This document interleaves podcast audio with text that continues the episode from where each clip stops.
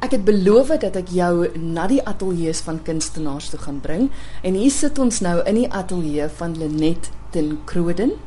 Sy is hier in Pretoria en Lenet, baie dankie dat ek en die luisteraars hier by jou mag kuier.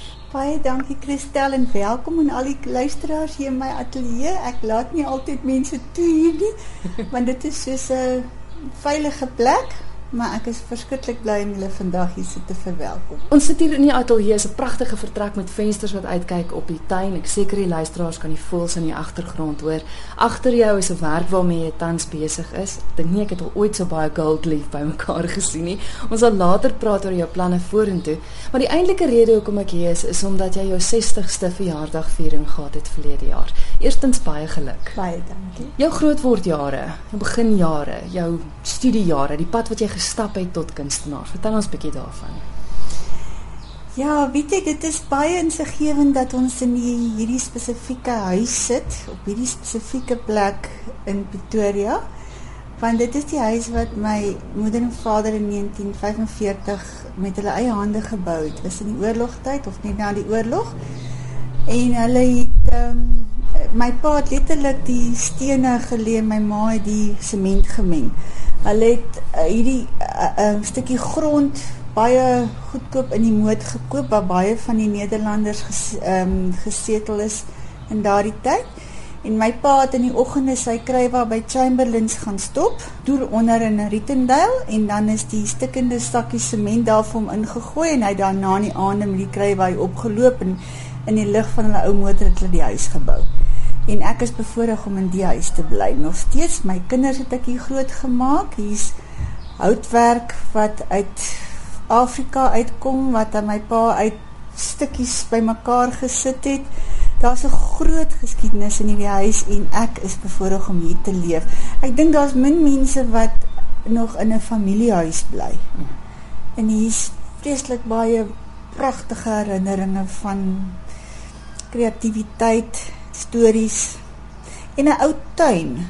Ek hou van so 'n bostuin. Ek dink nie ek het al ooit 'n blaar opgetel nie want blare is vir my so mooi as hulle so droog is.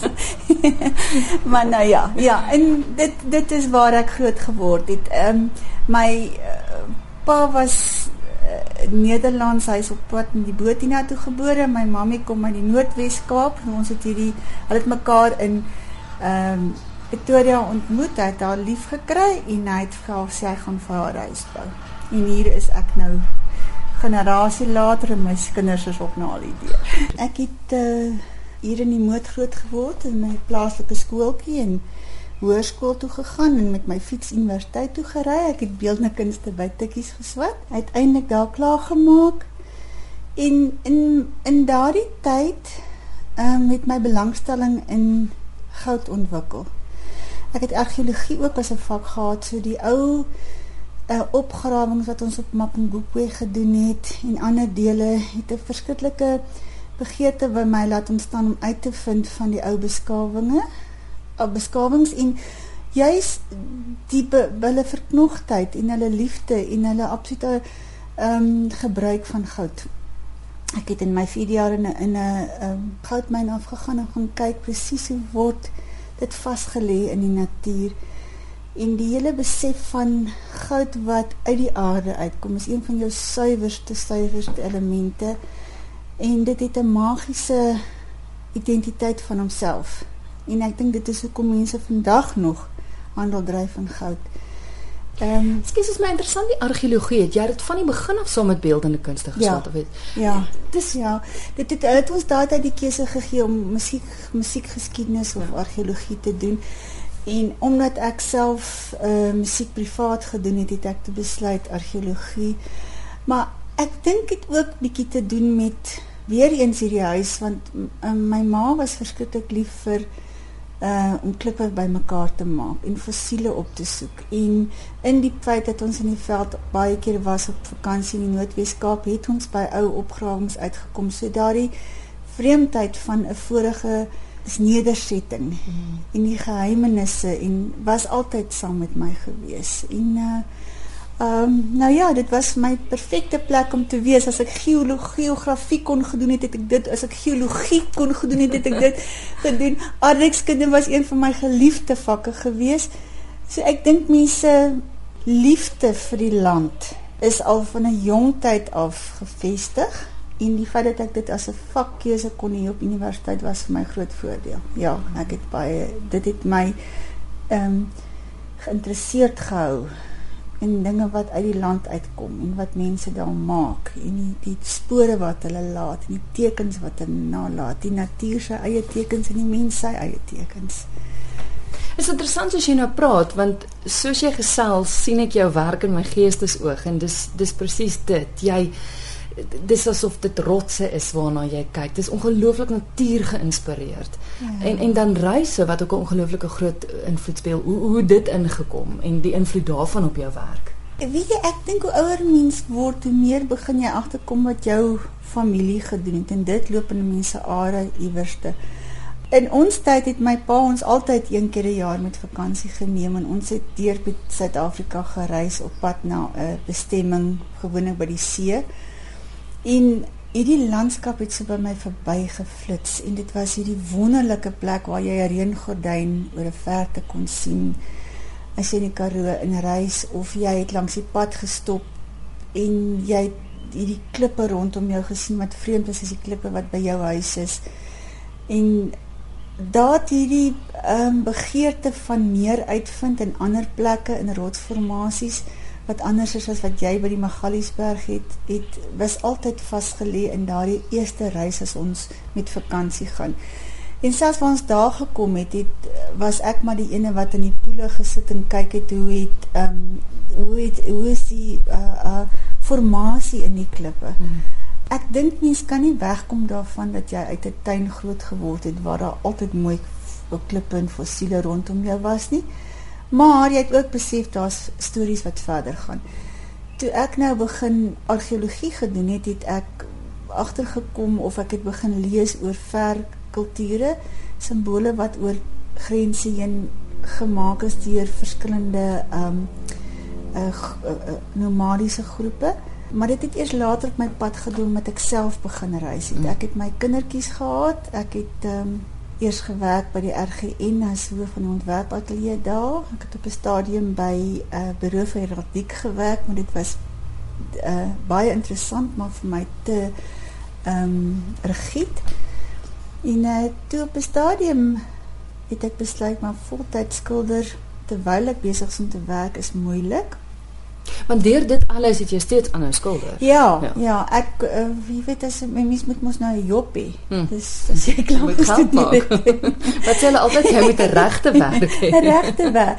Alhoewel my pa my my my pa my ouers het my altyd ondersteun hmm. in dit wat ek graag wou doen. Daar was maar altyd seker die bekommernis wat nou. Hmm. Nou het sy die graad wat nou. Maar ek dink ek het altyd 'n uh, vreskit werk gedoen terwyl ek selfs gestudeer het. Ek het selfs by 'n veearts gewerk baie lank in die as ontvangsdame en in die teater gehelp terwyl ek gestudeer het. Daar was altyd so joppie langs die kant en dan het ek kaartjies ontwerp en allerlei goeders gedoen. Weet jy, ek ek onthou dat ons op studente het ons die studente se eerstejaars teempies gedruk. Al sulke goed is ons in ons bedryfies aan die gang gesit terwyl ons gestudeer het. Nou ja, die as jou as jou reis nou verder gaan in 1970s in Suid-Afrika, dan soek jy ook nou maar 'n galery en jy's gelukkig as jy een kry Want dis toe jy nou besluit het geskies om voltyds te gaan. Ja. Ja. Nee, nee, dit was uh ek het voltyds wel ek het geskilder die hele tyd terwyl ek uh ander werke ja. gedoen het. In die aand as ek by die huis kom, het jy onmiddellik begin werk. Interessant genoeg in daai in beginjare was baie van my werk nagtonele gewees. ja, hierdie musieke van die van die 'n uh, naghemel en die sterre en die planete en die goeters. Ehm um, ek dink dit het ook maar te doen met die feit dat 'n mens in die aand gewerk het en in die oggend vroeg werk toe gegaan het. My pa is in 'n baie 'n definitief uh, tyd in my lewe oorlede want hy het vir my gesê op sy op sy sterfte toe sê hy vir my weet jy jy's nou lank by hierdie plek en jy het nou twee kindertjies en jy het hier jy wil nog altyd net voltyds skilder. Ja. Hierdie hekkie staan vir jou oop en as jy dit nie gaan doen nie, gaan dit kleiner en kleiner kleiner word. Jy moet dit nou doen. Jy's nou op hierdie punt jou kindertjies is babetjies. As jy dit nou doen, dan gaan jy vir jou 'n groot groot groot ruimtelike lewe kan skep.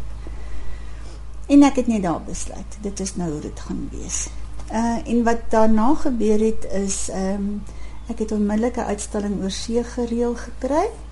En uh dit was die eerste uh pad van 'n uitstalling. Eerste uitstalling was in Singapore gewees. Ehm um, en dit was 'n wonderlike ervaring. Dit was nog deur Frida van Skalkwyk gereël en kuns adviseer en daarna het dit net verder gegaan. Ja, want kom ons gesels gou. Jy's baie bekend oor see. Dubai is 'n plek wat jou na in die hart lê. Baie interessant interessante storie hoe jy die eerste keer daar uitgekom het. Ja, ek dink toe ek die eerste keer so deur die Afrika naghemel vlieg, daai tyd kon jy nog so voor by die vliegtyg in die uh kajuit gaan sit en die uh piloot se se pet op jou kop sit en dink hy sê en daai ruimtelikheid van hier vlieg ek oor Afrika ek vlieg in die sterre en was vir my 'n opening gewees. Ek was toe 38 toe ek eerste keer begin reis het. En ek het met myself gedink wat lê nou vir my voor maar wat voor lê is is is groot en wonderlike dinge om omdat ek altyd met goudblad gewerk het handgemaakte papier iets van die uh teksture van die landskap probeer inkom met my werk en en goudblad was absoluut deel daarvan gewees. Het ek besef daar's ander wêrelde waar my werk baie gewild sal wees. As jy navorsing doen oor die Japaneese, die Chinese, baie van die uh, ou ikoniese werk, daar is 'n wêreld hmm. waar dit so algemeen is om dit te gebruik en in Suid-Afrika dit nie so gebruik was op daardie stadium nie toe te, dit het so gebeur. Jy weet die eerste keer toe ek Dubai toe gegaan het, was dit uh 25 jaar gelede en daar was dit was 'n stofstraatjie geweest. Dit was daar was die uh, binne uh die middestad wat rondom die rivier is waar hulle nog handel gedryf het daar. Um en vriende van my het gaan uh matte koop oor see vir 'n week gegaan en gesê ek ek was besig om hulle huis vir hulle te help restoreer en skilderye gedoen En toe sê hulle kom saam ons wil gaan matte koop. En toe is hulle 'n groepie wat gegaan het en ek het gesê die enigste manier wat ek kan gaan is as ek gaan probeer skilderye verkoop. Ek ek kan dit nie bekostig nie en ek onthou ek het nog daai tyd by die trustbank by die bankbestuurder ingestap en vir hom vyf skilderye daar neergesit en vir hom gesê meneer niemand ek het geld nodig vir 'n vliegtuigkaartjie, maar ek beloof jou ek sou 'n week terug en as ek as er iets met my gebeur, verkoop daai skilderye. Anders is as ek terug, ek gaan dit doen. En ehm um, hulle het vir my geld geleen. Ek het 'n kaartjie gekoop en weggesak met 'n 12 skilderye in 'n portfolio en my vriende in Dubai. Daai tyd was dit regtig waar so klein plekkie gewees en ek moes elke dag saam met die vriende reis na matwinkels doen al wat my my werk was ek moes my kop streek en uitstap en sê nee is te duur. En uh, dit ek net besef jy dit as jy sit in jy aand in jou hotelkamer en jy uh, en kyk in die telefoon goed begin sien daar sal staan gallery en ek klim in taxi gaan sien toe en dan is dit 'n ou fotografie plekkie. Ek kon nie 'n galery kry nie. Daar was niks. Sure. En toe gaan ek op 'n reis in die woestyn en uh, daai tyd het dit so 'n twee nagte reis gewees um, um om te gaan kyk hoe die beduïne ehm um, leef. En iemand het van 'n kameel afgeval. Daar was 12 mense op die op die en die dame kom toe na my toe en sy sê vir my, "You took photographs of everything here. Can I can I have your photographs?" Toe sê 'n Amerikaanse vrou wat al 12 jaar daar is en sy het geen foto's van die kameelreis en al die goede nie. Toe sê ek vir sy moet na my hotelkamer kom so 2 dae later. Ek sal die fotootjies laat ontwikkel want ek weet nou waar se fotografie plek. Dit weet jy. en toe sê ek daar kom toe sien sy die skilderye en sy sê ek sien toe ek is desperaat. Ek gaan oor 'n dag weg en ek het ek het geld geleen en ek het nog niks verkoop nie. Wat moet ek nou? En toe sê sy vir my aan die onderpunt van al hierdie straat is daar ou Arabiese huis. Sy kan nie vir my die naam gee nie, maar sy seker dis 'n galery. En ons het ek het 'n taxi geneem soontoe en ek onthou dit was 43 grade in die straat en hulle het my op die verkeerde punt van die straat afgelaai so ek moes 2 km loop en toe uiteindelik toe arriveer ek in hierdie pragtige ou Arabiese huis dit was 'n ou Iranese tee 'n handelaar se huis en jy het so deur die openingkie geloop en dan is daar 'n pragtige uh, tuin in die middel. En daar sit 'n dame en sy het opgekyk en die lig het so van agteraf deur die deur geskyn en ek het met my wille wit hare in die rok gestaan in die kort portfolio en toe sê sy there's an angel in my door come inside. en toe stap ek daar in en sy het na my werk gekyk sy het by tee gegee en gesê I haven't seen anything like this before. Sjoe. En hulle het onmiddellik toe die werk aanvaar. Sy het vir my sy was baie geïnteresseerd. Sy het gesê sy het nog nie so 'n stempel gesien nie, so handtekening nie. Ek moet asseblief terugkom en kom navorsing doen in omgewing. Ek moet kom reis, ek moet hulle berge klim, die Hajar gebergte van Oman, daai hele streek en hulle kultuur en hulle landskap begin ervaar en daaroor vir hulle begin skilder. En dit het die begin van die reis gewees. Ek het daarna elke jaar terug gegaan, oral gereis van Jordanië regdeur uh Kuwait dele en dit is ou gebergte daai. Jy kan daar letterlik staan en 'n voetheuwel vat. En jy kan staan en dan's daar drie kleure berge rondom jou en dis oud en dis nog werke wat destyds uit die uit die uit die see uit opgedruk is. Ehm um, en jy kan 'n skulpfossiel heel bo in die heel boonste berg kan jy hom daar optelling kry en dit het onmiddellik aanklank gevind by my liefde vir die ou rots en in in in die teksture en ehm um, ja, dit is dit het 'n wonderlike reis geword want die galery word besit deur ehm um, 'n dame van Cornwall, een van Indië en dan is daar twee plaaslike uh vennote. En die werk gaan van daar af na 'n internasionale mark toe. Dis nie die Emiraties wat altyd koop nie. In die ou dae het ek baie vir die koningshuis werk gedoen. Uh, maar die werk gaan na Japan toe en Parys, Engeland, Duitsland en dit word bestuur deur 'n um, baie baie entoesiastiese dame, Alison Collins wat al 35 jaar in Dubai bly. En ek is bevoorreg dat hulle my werk aanvaar het en ek is 'n Suid-Afrikaner wat daar uitstaan. So, uh daar's 'n pragtige ou ehm um, uh studiootjie in die galery waar ek gewoonlik gaan slaap. Is baie baie uh eenvoudig met 'n bed en 'n kas en jy het 'n plek om te werk. En baie keer as ek sien toe gaan, dan gaan ek eers in die woestyn en ek gaan doen eers my navorsing daar, reis na 'n ander deel toe. En dan kom ek terug en dan werk ek in die galery. En nou ja, dit is die storie van wat dit het 'n reisverhaal geword wat wonderlik oor soveel jare gestrek het. Ongelooflik en ons is baie trots op jou. Baie dankie. Mense is nou die ouderdom en jy besluit, o, jette, jy wil net nuut en nog meer en die nuuskierigheid word net nog erger. Ehm um, ek het besluit ek wil elke maand iets baie spesifiek doen in die jaar wat ek 60 hmm. word en ek wil iets nuuts ontdek as dit moontlik is elke keer en ek was uh, Februarie in Parys. Ek het baie gaan uh, navorsing doen in die ou uh, geologie museums en goed en ek het letterlik die studio toegedeur toegemaak, my bottel wyn gekoop en ek het begin skilder en ek het gewerk met die tema van aquafer wat gaan oor die deursuivering van water deur klip en wat uiteindelik dan vasgevang word met minerale en dan word dit opale en gesteentes wat ons weer uithaal en gebruik vir ander goed. So die hele ehm um, water wat deur klip syfer weer eens die die die die, die rotssture maar water wat absoluut daar deur erosie of deur enige vorm wat hy daar vasgevang word vir ons 'n verdere storie en rykdom gee.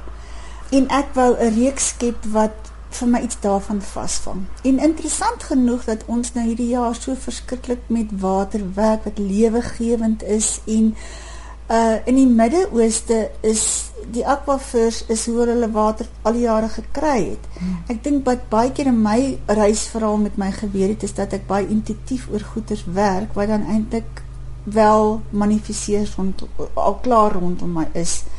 Ehm um, ek het die uitstalling klaar geskilder. Dit is alles ehm um, daar's temas soos weer eens soos horisonne en mirage en ehm um, maar aquafer, die hele ding van water vasgevang in klip.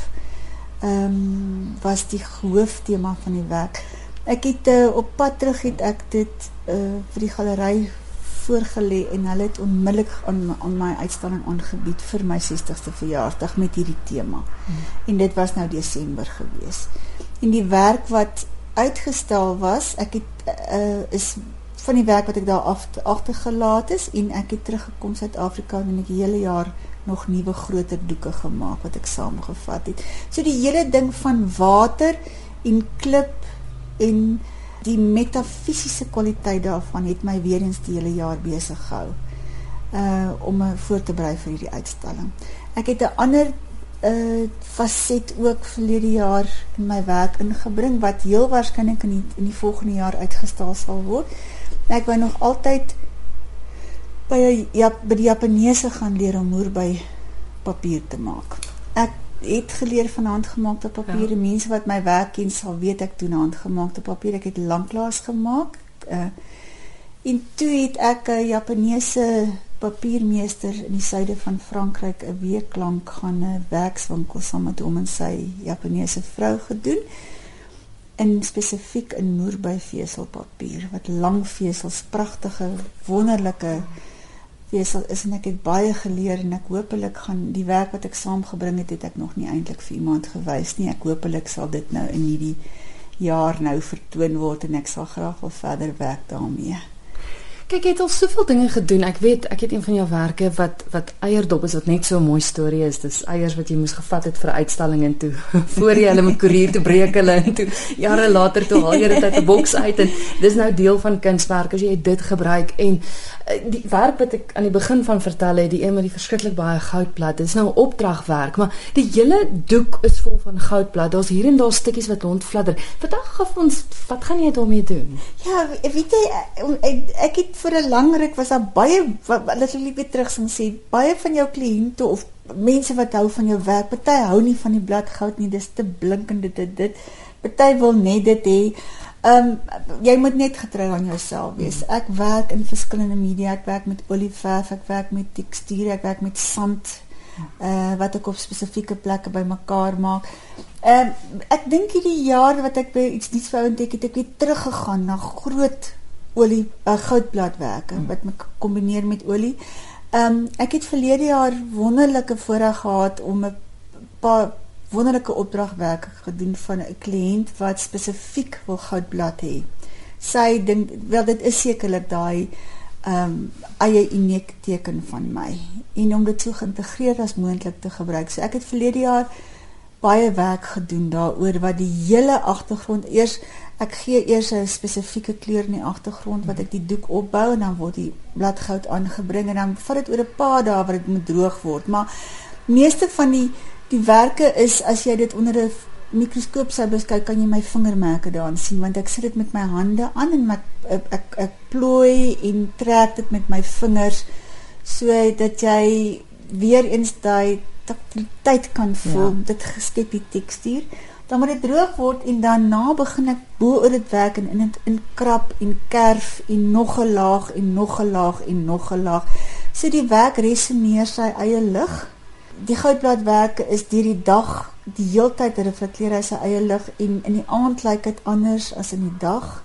So dis 'n lewendige werk daai.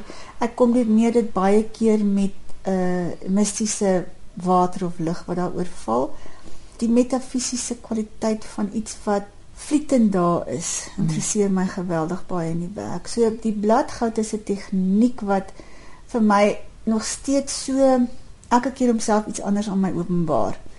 En as ek begin, partykeer moet jy maar redelik rief met daai met werk as jy as jy bladgoud eers vas is, dan kan jy regtig waar hy sterk. Is 'n goeie metaal om mee te werk. Dit is hmm. dis reg dun as jy dit opsit maar as dit eers vas is dan kan jy daarmee werk. So ek hierdie werk is na aanleiding van uh, 'n uh, skildery wat ek oor vir die Leonardo da Vinci feesviering verlede jaar gedoen het waar iemand uh, waar ek uh, een van die ruiters van Leonardo da Vinci geskilder het en iemand het dit gesien en hulle dit baie daarvan gehou te sê nee hulle wil iets 'n uh, 'n ander tema hê maar die hele agtergrond moet goudblad wees. So dit is nogal vir my uitdaging om met hom te werk want hy's groot. Hy's amper 2 meter groot.